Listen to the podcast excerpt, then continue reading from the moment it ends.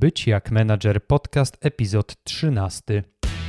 W wieku 16 lat wiedziałem, że chcę robić wybitne rzeczy w gronie wybitnych specjalistów. Zostałem więc menadżerem i choć zarządzanie to niełatwy kawałek chleba, uczę jak to robić na najwyższym poziomie. Jestem Mariusz Najwer, a to mój podcast o zarządzaniu w IT.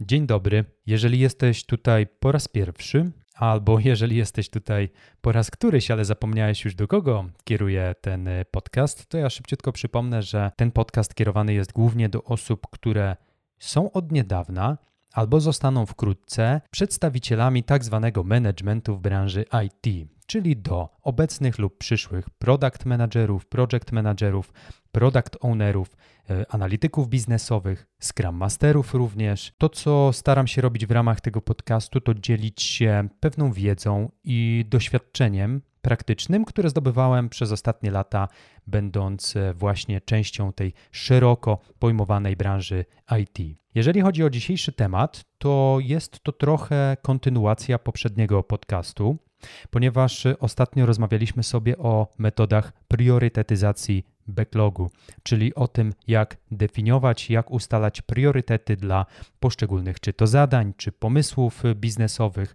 czy pomysłów na usprawnienia funkcjonalne.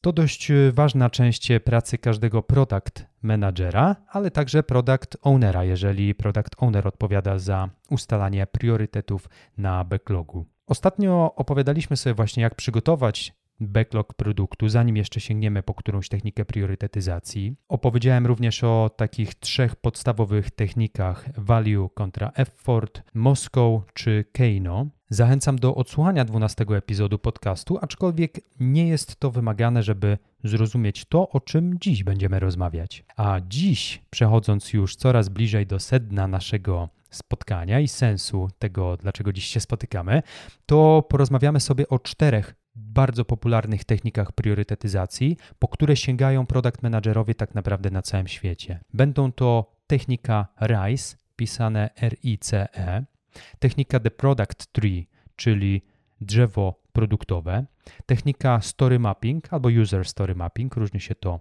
nazywa, oraz technika Buy a Feature, czyli kup funkcjonalność. Zanim grubo już wjedziemy w ten temat, zachęcam, żeby zapisać się na mój newsletter na stronie byciakmanager.pl. Z góry też dziękuję za każdy komentarz pozostawiony na moim blogu lub na mediach społecznościowych. A jeżeli czujesz większą potrzebę omówienia jakiejś konkretnej kwestii lub szukasz indywidualnej porady menedżerskiej, ponieważ na przykład chcesz się przebranżowić na menadżera, to zachęcam do umówienia się ze mną na konsultację jeden na jeden za pośrednictwem mojego bloga zakładka konsultacje. Lećmy z technikami, bo jak zwykle lubię się rozgadywać, zwłaszcza na początku. Przypomnę też bardzo ważny kontekst, mianowicie po co nam w ogóle znajomość jakichkolwiek technik priorytetyzacji. Otóż ustalanie priorytetów to jest jedna z najważniejszych kompetencji product managerskich. Bez niej ani rusz. Bez znajomości tych technik możecie dopaść tak zwany paraliż decyzyjny. Nie będziesz wiedział, w którą stronę pokierować produkt, pokierować zespół. I bez poprawnie ustalonych priorytetów w końcu zablokujesz sam proces deweloperski. A to z kolei złe ustalenie tych priorytetów może odbić się czkawką dla organizacji, w której pracujesz. W jaki sposób? Może chociażby ucierpieć wizerunek firmy. Firma może stracić dobrą okazję rynkową. Możesz wkurzyć samych użytkowników, wdrażając e, nie te funkcjonalności, na które czekali. Możesz także przepalić budżet projektowy na wdrożenie niepotrzebnych e, rzeczy, a wiadomo, że pieniądze są istotną częścią każdego biznesu. Jest e, wiele złych scenariuszy, które czyhają na ciebie za rogiem, natomiast odpowiednia technika priorytetyzacji pomoże Ci uniknąć jakiegokolwiek wykolejenia w projekcie. Pierwsza technika. Nie jest to łatwa technika, aczkolwiek y, po tym jak y, zrozumiesz w jaki sposób działa i jak się nią posługiwać, to uwierz mi, może ci nie tyle uratować tyłek, co tak naprawdę no, wnieść ogromną wartość do pracy Twojej i całego zespołu projektowego. Tą techniką jest RISE, skrót od słów Reach, Impact, confidence i effort. Zaraz omówimy sobie dokładnie każdy z tych aspektów. To jest e, technika znana także jako taki wewnętrzny system scoringowy, dla priorytetyzowania pomysłów. Dzięki skorzystaniu z tej techniki, zespół może tak naprawdę pracować nad różnymi inicjatywami i decydować, które najbardziej, czyli najskuteczniej wpływają na cele samej organizacji. System mierzy tak naprawdę każdy feature pod kątem czterech obszarów. Obszar pierwszy to reach, czyli powiedzielibyśmy zasięg, na ilu użytkowników wpłynie dana funkcjonalność w pewnym okresie czasu, jaki przyjmiemy. Przykładowa skala, jaką możemy tutaj przyjąć, to liczba użytkowników kwartalnie, których dotyczy albo będzie dotyczyć dane wdrożenie, usprawnienie, dana funkcjonalność. Albo na przykład kwartalna liczba transakcji, czyli na jakie transakcje wewnątrz systemu wpłynie dane e, usprawnienie. Najważniejsze jest to, że jeżeli siadamy już do stołu, mamy tę listę funkcjonalności i przyjmujemy sobie tę skalę, to istotne jest, aby każdej do każdej funkcjonalności ta skala była jednakowa. No bo jeżeli przyjmiemy różne skale dla różnych funkcjonalności, no to na logikę nie będziemy w stanie ich do siebie porównać. Skala musi być jedna. Impact, drugi obszar, czyli jak bardzo, jak intensywnie, z jaką mocą wpłynie dana funkcjonalność na indywidualnych użytkowników. I tutaj skala jest sugerowana z góry przez twórców tej techniki. Otóż y, jest to skala punktowa od 0,25 do 3. 0,25 y, oznacza, że wpływ jest naprawdę bardzo minimalny takiej funkcjonalności, ledwo wręcz zauważalny przez indywidualnych użytkowników. 0,5 no to już jest mały wpływ. Jeżeli wystawilibyśmy jeden punkcik, to jest to średni wpływ. Jeżeli dwa punkty, no to już tutaj mówimy o dość dużym wpływie na indywidualnych użytkowników. Natomiast trójeczka to jest ogromny wpływ, jaki wywrze e, ta funkcjonalność na indywidualnych userów. Trzeci obszar confidence. Confidence, czyli pewność. Ale o jaką pewność chodzi? Chodzi o to, że tutaj estymujemy, oceniamy, na ile jesteśmy pewni tych naszych dwóch poprzednich estymacji, czyli impaktu i reach, czyli zasięgu i wpływu. Na ile my jesteśmy pewni w ogóle tego, co wyestymowaliśmy. Zakładając, że reach, pewna skala opiera się na danych, a impact, czyli wpływ na indywidualnych użytkowników, opieramy już na naszej intuicji, no to teraz ustalamy, na ile my w ogóle jesteśmy pewni naszych estymacji. I tutaj też jest skala sugerowana przez twórców techniki. Jeżeli jesteśmy pewni na 50%, no to to jest niska pewność. Jeżeli jesteśmy pewni tych dwóch poprzednich estymacji na 80%, no to tutaj już jest średnia pewność. Ale jeżeli my jesteśmy na 100% pewni, no to wiecie, wysoka pewność, naprawdę nie mamy żadnych e, obiekcji co do tego, jak wyceniliśmy poprzednie dwa obszary. I teraz, jeżeli nie jesteśmy pewni wycen na co najmniej 50%, to tu jest taka sugestia, że być może warto zaparkować daną funkcjonalność gdzieś na boku i wrócić do niej za jakiś czas, kiedy zdobędziemy trochę więcej danych i informacji, które poprawią nam estymację. No bo jeżeli będziemy omawiać funkcjonalności, co do których w ogóle nie jesteśmy pewni, e, jak je wycenić, to zaparkujmy je, pozbierajmy jeszcze więcej informacji na ich temat i wróćmy, albo danych, i wróćmy do nich, kiedy będziemy y, pewni bardziej tych naszych estymat. Kolejny już, ostatni obszar tego RISA to jest effort. Effort w wolnym tłumaczeniu wysiłek. Wysiłek, jaki jest potrzebny do wdrożenia danej funkcjonalności. I tutaj chodzi o to, że wszystkie poprzednie czynniki zasięg, wpływ, pewność reprezentują potencjalne korzyści, dlatego je do siebie dodamy za niedługo. Natomiast wysiłek w tym zestawieniu to zawsze będzie nasz koszt, który musimy ponieść, żeby dowieść dane rozwiązanie. Dlatego potencjalne korzyści zawsze będziemy dzielić przez ten koszt. Zaraz wyjaśnię to na przykładzie. Effort możemy wyceniać na kilka sposobów w zależności od naszych potrzeb.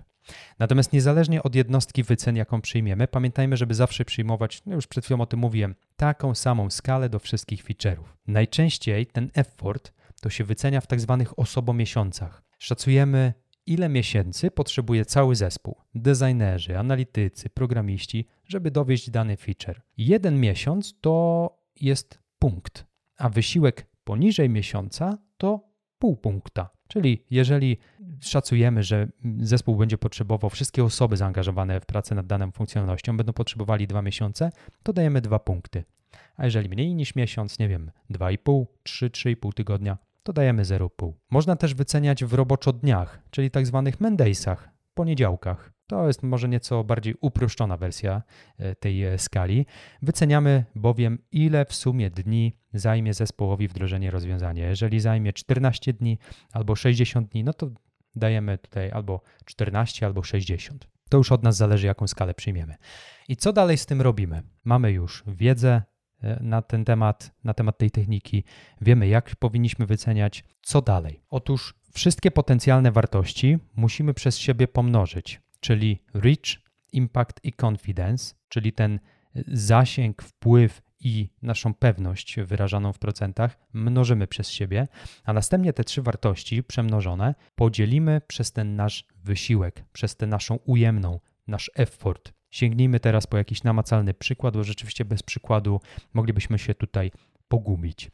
Wyobraź sobie, że jesteś product managerem w firmie międzynarodowej, która posiada swój produkt e-commerce. Jest to marketplace w modelu B2C, czyli tam, gdzie firmy, przedsiębiorcy odsprzedają coś użytkownikom końcowym. I to jest portal webowy, ale także aplikacja mobilna, za pośrednictwem których użytkownicy mogą wynajmować sprzęt elektroniczny od firm, sprzedawców, szeroko pojętych retailerów. Sprzęt jest nowy albo używany, laptopy, aparaty, gadżety. Wynajem jest krótko, ale także średnio lub długoterminowy, nawet na kilka lat. Taki jest kontekst biznesowy.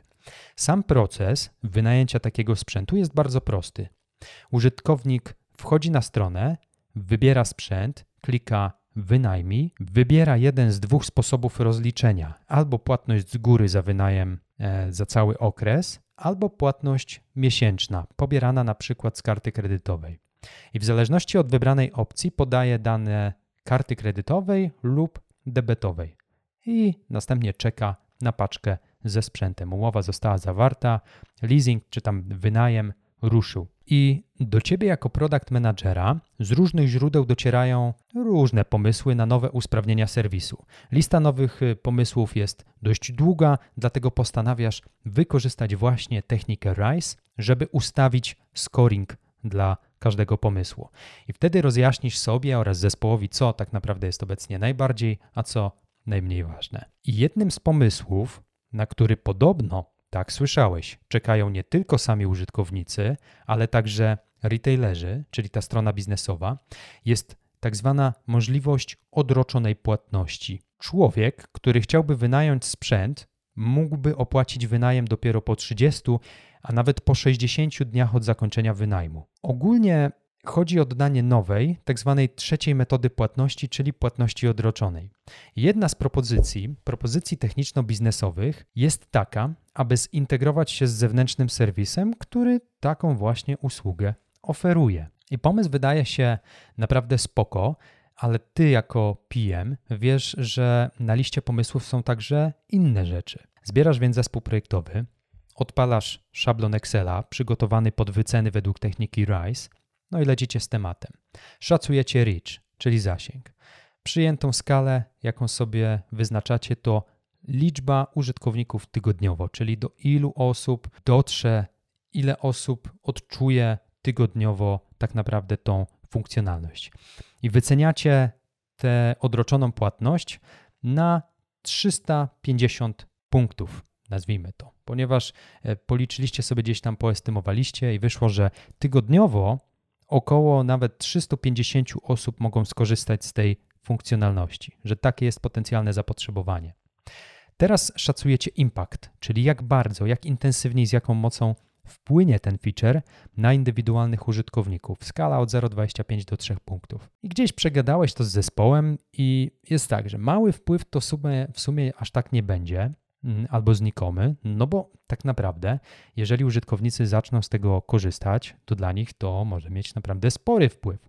Ale też nie będzie to jakiś ogromny wpływ dla wszystkich użytkowników z kolei. Gdzieś na drodze takiego dochodzenia do kompromisu z zespołem wyceniacie to na jedyneczkę, czyli że ten wpływ będzie tak naprawdę średni, przeciętny, ale jednak będzie.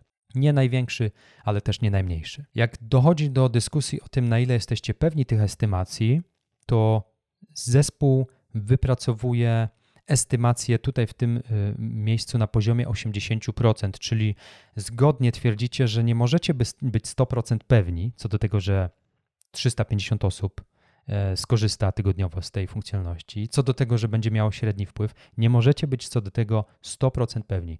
Dlatego wyceniacie własną pewność, własne confidence na poziomie 80%, czyli taka średnia pewność. No i teraz effort. Jaki wysiłek potrzebny będzie do wdrożenia takiej funkcjonalności, do zintegrowania się z takim serwisem odroczonej płatności? Podejmujecie decyzję, że wycenicie to w tak zwanych osobomiesiącach.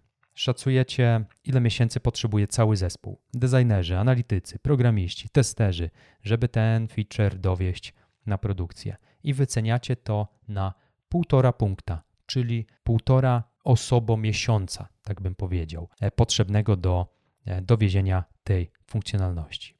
Teraz, co w tym magicznym Excelu powinno się zadziać, który przygotowałeś?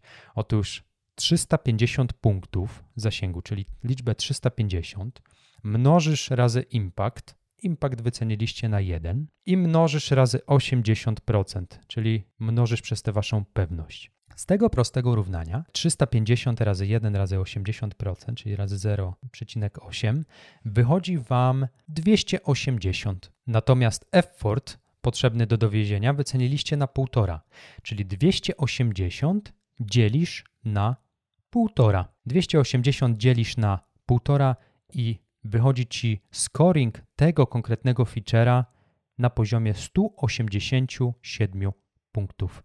Liczba 187 to jest scoring. I teraz podobne ćwiczenie, już nie będziemy brać kolejnego przykładu, bo po tym pierwszym wydaje mi się jasno wiemy, jak mamy to zrobić. Natomiast nie chcę sięgać po kolejny przykład, ponieważ dokładnie ten sam mechanizm wykorzystasz, e, omawiając kolejne funkcjonalności. I jeżeli masz na pipeline 5 albo 10 funkcjonalności, robisz to ćwiczenie do każdej z nich i patrzysz, która z nich ma najwyższy scoring. Teoretycznie, jeszcze o tym będę mówił, powinno się wziąć w pierwszej kolejności na roadmapę funkcjonalność, która ma najwyższy scoring, ale pamiętajmy, że mogą być tutaj pewne aspekty, których nie przewiduje, nie przewiduje ta technika. Jakie są więc plusy wykorzystywania tej techniki RISE? Otóż ta technika wymaga od zespołu, żeby operować, żeby operować na pewnych mądrych metrykach, zanim w ogóle zaczniemy je mierzyć. I my jako zespół musimy się upewnić, że metryki powinny być odpowiednio dopasowane do specyfiki produktu, powinny być mierzalne i osadzone w jakimś okresie czasu. Drugim plusem jest to, że zmniejsza się ryzyko stronniczości, jakie wpływa często na priorytetyzacji, bo my wyceniając coś jesteśmy bardzo subiektywni niejednokrotnie, a dodanie przy tej technice tego współczynnika pewności confidence często prowokuje zespół do merytorycznej dyskusji na temat samej wyceny, jeżeli ktoś mówi, słuchajcie, to zajmie 3 miesiące, to inni mówią, chwila, na ile jesteś pewien? Confidence. Jakie są natomiast minusy RISE? Otóż ta technika nie uwzględnia zależności pomiędzy tymi funkcjonalnościami. Zdarza się, że trzeba specjalnie czasem zaniżyć scoring dla jakiegoś feature'a na rzecz innej rzeczy, która powinna iść najpierw, bo byłaby potencjalnym blokerem. I warto więc patrzeć na tę technikę bardziej jak na dobre ćwiczenie, niż jak na finalną odpowiedź na pytanie, co robimy jako następne. Drugim takim minusem jest to, że estymacje RISE nigdy nie będą w 100% precyzyjne. Operujemy bowiem na pewnym poziomie ogółu i nie zawsze najwyższym możliwym stopniu pewności co do naszych estymacji. Tyle jeżeli chodzi o technikę RISE. Druga technika to product tree, czyli drzewo produktowe, znane też jako podcinanie gałęzi na drzewie produktowym, bo tak się też mówi o tym ćwiczeniu. Bardzo proste, bardzo przyjemne ćwiczenie, a wręcz gra, w którą możesz zagrać ze swoimi klientami albo użytkownikami. W tej technice chodzi głównie o to, żeby skroić, mówiąc dosłownie, produkt tak, żeby odpowiadał idealnie albo blisko ideału, odpowiadał na potrzeby klientów i dał e, organizacji najwyższą możliwą wartość. Samo ćwiczenie polega na przystrzyganiu, powiedzielibyśmy też przycinaniu backlogu produktu który wizualizujemy sobie jako drzewo, oraz na upewnieniu się, że te innowacyjne pomysły, które były na tym backlogu, nie zostały w tyle. Jak zatem wygląda w praktyce drzewo produktowe? Otóż bierzesz kartkę i ołówek, rysujesz wielkie drzewo z kilkoma dużymi gałęziami. I teraz tak, pień twojego drzewa będzie reprezentował funkcjonalności, które wasz produkt już posiada. Gałęzie natomiast będą reprezentować funkcjonalności, które zostaną wkrótce wdrożone, na przykład w kolejnym releasie. Korzenie natomiast reprezentują infrastrukturę albo różne wymagania techniczne, bez których wasz produkt nie zadziała, lub które po prostu wspierają wasz produkt. No i teraz czego tutaj brakuje? No brakuje nam liści. Jeżeli nie jest to okres zimowy, załóżmy, że jest to okres wiosenny albo nawet letni i drzewo jest w stanie najwspanialszego własnego rozkwitu, to bez liści byłoby to smutne drzewo, wręcz umarłe, jak umarły produkt. Co powinieneś teraz zrobić? Zbierasz ludzi na spotkanie, wiadomo, na takie warsztaty, i teraz tak, prosisz uczestników tego spotkania, w naszym przypadku niech to będą użytkownicy. Prosisz ich, żeby na małych karteczkach samoprzylepnych napisali według nich potencjalnie najciekawsze, najfajniejsze funkcjonalności, które widzieliby w naszym produkcie. Następnie prosisz tych użytkowników, jak już rozpiszą sobie te funkcjonalności, żeby przykleili te karteczki do wybranych gałęzi. I właśnie te małe samoprzylepne karteczki będą naszymi liśćmi. I dzięki temu ćwiczeniu co osiągamy? Ty jako product manager możesz łatwiej zidentyfikować, które grupy funkcjonalności albo które gałęzie produktowe są najważniejsze, najbardziej obłożone liśćmi. Gdzie wymagane będzie najwięcej pracy, które feature'y powinny zostać zmienione, a może które obszary z funkcjonalnościami mogą otrzymać niższy priorytet na rzecz bardziej pilnych usprawnień. Jak chcesz zobaczyć, jak takie przykładowe drzewko wygląda, to na moim blogu byciakmanager.pl pod postem z dzisiejszym podcastem umieściłem przykładowe zdjęcie takiego drzewa produktowego. Spójrz, jakie proste ćwiczenie, a ile informacji możesz uzyskać. Plusy Product Tree. Pierwszy plus to to, że daje nam wizualne odczucie, jak dobrze albo jak źle są zbalansowane funkcjonalności w naszym produkcie.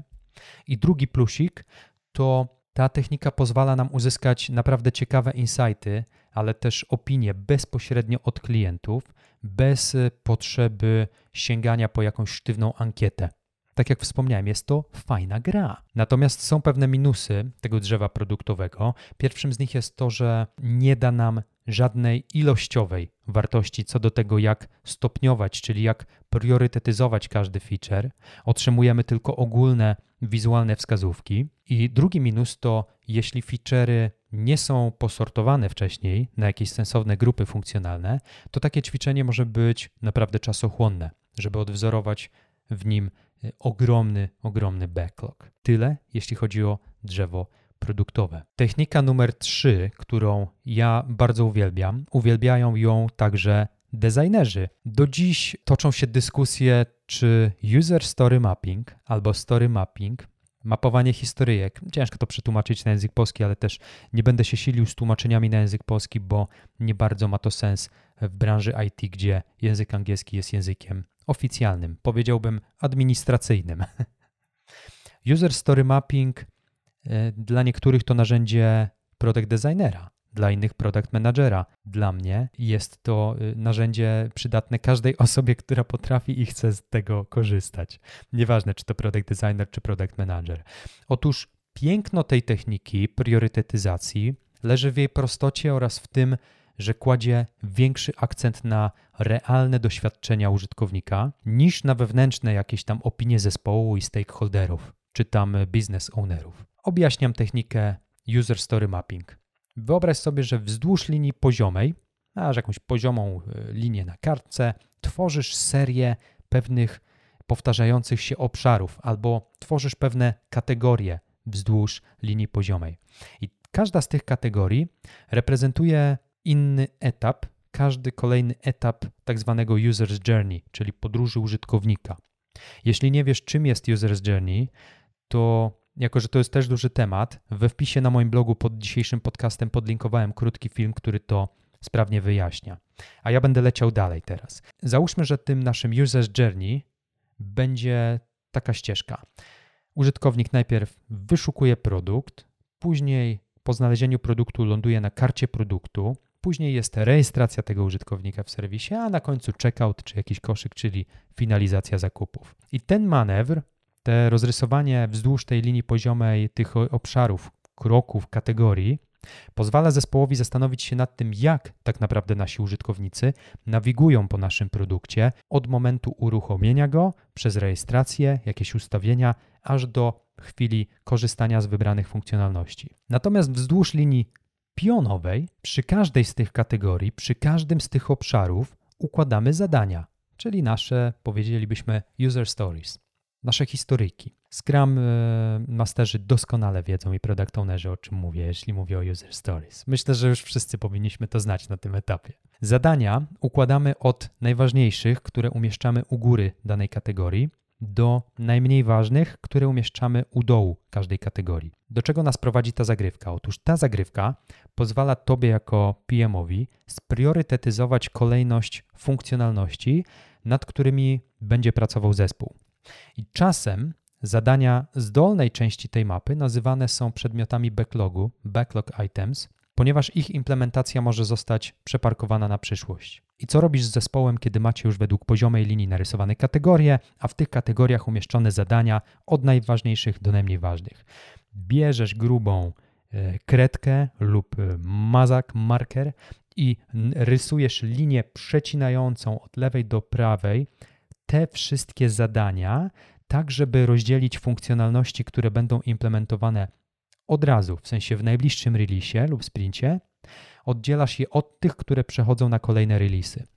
I koniec końców pod kreską umieszczone powinny być te zadania, które przeparkowujemy na potem, a nad kreską te zadania, które dotyczą naszej ścieżki użytkownika od początku do końca i uznaliśmy wspólnie, że są najważniejsze, bez których ten user journey, ta podróż użytkownika po prostu się nie wydarzy. I te funkcjonalności u góry powinny być implementowane jako pierwsze. Jakie są plusy tego user story mapping? Otóż bardzo szybko pomaga zdefiniować Twoje MVP.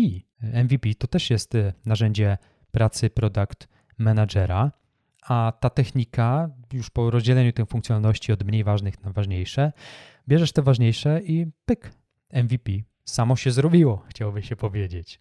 Drugi plus jest taki, że ta technika skupiona jest wokół doświadczeń użytkownika, ponieważ musimy rozpisać te user stories, musimy rozpisać te zadania, zastanowić się nad nimi wcześniej. I trzeci plus to to, że user story mapping wywołuje fajną kolaborację w zespole i tak naprawdę aktywizuje wszystkich członków zespołu do podjęcia tej wspólnej inicjatywy, zastanowienia się wspólnie nad produktem i nad tym, czego potrzebuje nasz użytkownik. Jaki jest minus tej techniki? Ja widzę jeden poważny minus user story mapping, mianowicie ta metoda nie bierze pod uwagę zewnętrznych czynników, które mogą mieć wpływ na priorytetyzację.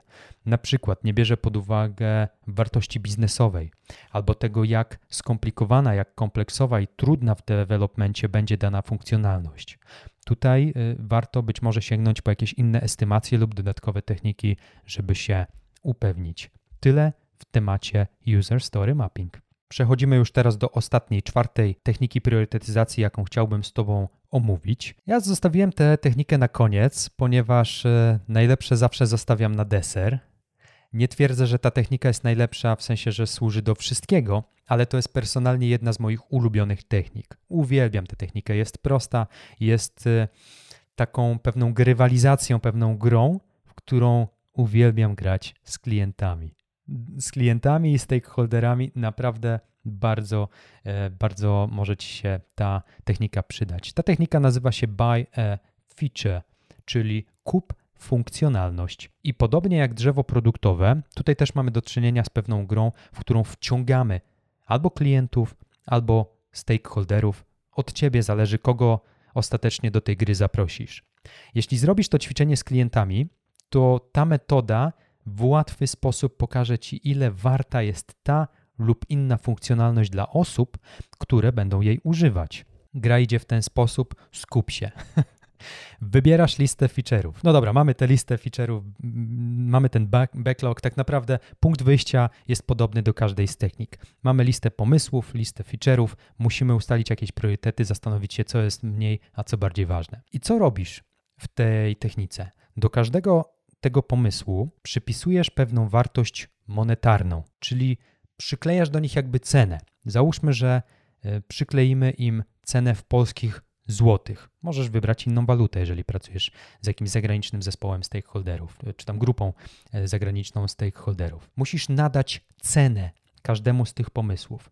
I niech ta cena nie będzie jakaś tam szczapy, tylko niech ona zależy na przykład od tego, jak trudne w implementacji, jak skomplikowane będzie wdrożenie danej funkcjonalności. Czyli przegadaj sobie wcześniej z zespołem technicznym albo z tym liderem technicznym każdy z tych pomysłów, gdzieś na wysokim poziomie wycencie te funkcjonalności i teraz tak, masz już listę feature'ów i każda z tych funkcjonalności ma swoją cenę. Co robisz dalej? Zbierasz grupę osób, zaleca się, żeby maksymalnie to była grupa 8 osób, klientów albo członków zespołu projektowego. Tu już y, decyzja należy do ciebie, natomiast powyżej 8 osób może się zrobić po prostu bałagan. I teraz to, co robisz, to każdej z tych osób zaproszonych na spotkanie, na te warsztaty, przydzielasz taką samą ilość pieniędzy do wydania na te pomysły albo na te funkcjonalności. I każda z osób może tak naprawdę sama decydować, ile pieniędzy wyda, i na jakie funkcjonalności, na które pomysły. Prosisz teraz uczestników, żeby kupili pomysły, które lubią. Bardzo proste, zrozumiałe polecenie. Prosta prośba. Część z nich odda, to się często spotyka, odda nawet całe swoje pieniądze na jeden feature, na jedną funkcjonalność, którą jarają się wręcz najbardziej. Takie rzeczy się e, spotyka w czasie takich warsztatów. Z kolei fajnie jest obserwować, kiedy inni rozdzielają swoje pieniądze, ponieważ chcą kupić kilka mniejszych feature'ów za mniejsze kwoty, ponieważ te feature'y są dla nich bardziej istotne niż dla innych stakeholderów. Oczywiście w tym zadaniu chodzi również o to, żebyś poprosił uczestników, żeby uzasadnili swój wybór, żeby wyjaśnili, dlaczego kupili właśnie te pomysły, a nie inne. I na końcu ty tak naprawdę już widząc ile pieniędzy wydali stakeholderzy na dane funkcjonalności, możesz przeorganizować tę listę pomysłów i ułożyć je według kolejności od najczęściej kupowanych, najbardziej wartościowych, do najmniej wartościowych, czyli tych, które były najrzadziej kupowane w czasie warsztatów. I ta technika sugeruje też, że niekiedy cena wybranej funkcjonalności będzie zbyt wysoka, żeby jeden użytkownik mógł ją kupić. To jest ciekawy case, ponieważ wtedy użytkownicy w czasie takich warsztatów muszą negocjować z, między sobą, e, jeżeli bardzo im zależy na danej funkcjonalności, ponieważ będą musieli się dogadać i zrzucić, mówiąc dosłownie po chłopsku, na wybrany pomysł. Uczestnicy będą więc musieli podejmować e, fajne, kreatywne, merytoryczne negocjacje. Jakie są plusy kupowania funkcjonalności. Jeśli wierzysz w mądrość klientów i użytkowników, i ja często wierzę, uważam, że to jest jedna z najfajniejszych grup, z którymi można pracować, klienci albo użytkownicy, czyli ludzie, którzy korzystają z Twojego produktu, to ta metoda będzie świetna, ponieważ opiera się bezpośrednio na tym, co, co prawda w teorii, ale jednak mogą pokochać użytkownicy albo klienci. Drugim plusem jest to, że ma elementy grywalizacji. W ogóle te warsztaty, ta technika sprawia, że samo wykonywanie tego zadania potrafi bawić, sprawiać pewną radość osobom, które w nim uczestniczą. I trzeci plus, który ja bym widział, to to, że ta technika zmusza użytkowników do racjonalnego wartościowania funkcjonalności z racji tego, że każdy z nich ma ograniczone środki. Dwa razy zastanowią się, zanim wydadzą jakąś swoją złotówkę na ten lub inny pomysł. Są też minusy, jak przy każdej technice, także przy tej również. Ta metoda priorytetyzacji uwzględnia tylko te funkcjonalności, które już znajdują się na roadmapie produktowej, czyli te, które na pewno będą w przyszłości implementowane, ponieważ to warto, żebyś pamiętał, ta technika wskaże jedynie, które z nich są bardziej, a które mniej wartościowe dla użytkowników. To jest informacja, którą uzyskujesz z końcem tego ćwiczenia. I przeprowadzenie tego ćwiczenia to też w sumie jest pewien minus, wymaga od ciebie zebrania w jednym miejscu i czasie grupy użytkowników albo klientów, co też może być trudne do skoordynowania. Oczywiście można to przeprowadzić zdalnie, online, aczkolwiek uczestnicy a tutaj nie ukrywam, wiesz jak wyglądają konferencje online. Uczestnicy takich warsztatów mogą mieć trudności w swobodnym przeprowadzaniu negocjacji między sobą, bo w jednym pomieszczeniu to można uruchomić negocjacje i każdy może negocjować z kimś w tym samym czasie, a w czasie spotkania online tutaj już y, może być pewien problem, bo zawsze no, panuje y, jedna zasada, że jedna osoba naraz się wypowiada. Przebrnęliśmy przez cztery wspaniałe, popularne techniki priorytetyzacji. Jestem super e, wdzięczny, jeśli dotarłeś razem ze mną do tego momentu. Podsumujmy to w kilku słowach. Powiedzieliśmy dziś sobie o czterech popularnych technikach: RISE, Product Tree, User Story Mapping oraz Buy a Feature. Technik priorytetyzacji jest oczywiście więcej, o czym wspominałem również w poprzednim podcaście. To kiedy oraz po którą technikę sięgniesz, zależy od kontekstu, m.in. od specyfiki produktu, struktury zespołu, wielkości backlogu czy celów, jakie Twoja organizacja chce osiągnąć. Techniki priorytetyzacji nigdy nie powinny w pełni zastępować takiej ludzkiej umiejętności podejmowania decyzji. Oczywiście są rewelacyjną pomocą dydaktyczną dla product managera przed podjęciem ważnych decyzji produktowych, ale ostatecznie to ty jako PM te decyzje podejmujesz. Techniki można wykorzystywać na kilka sposobów. Jako praktyczne ćwiczenie, które pomoże członkom zespołu spojrzeć na listę funkcjonalności w ten sam podobny sposób, albo jako na przykład kreatywną grę z naszymi klientami, dzięki której lepiej zrozumiemy ich potrzeby. To tyle w sumie ode mnie na dziś. E, dziękuję Ci pięknie za wysłuchanie. Każdy komentarz i opinie na moich mediach społecznościowych. Zapraszam do zapisania się na newsletter byciakmenadżer.pl i do usłyszenia wkrótce. Dbaj o siebie i innych. Cześć!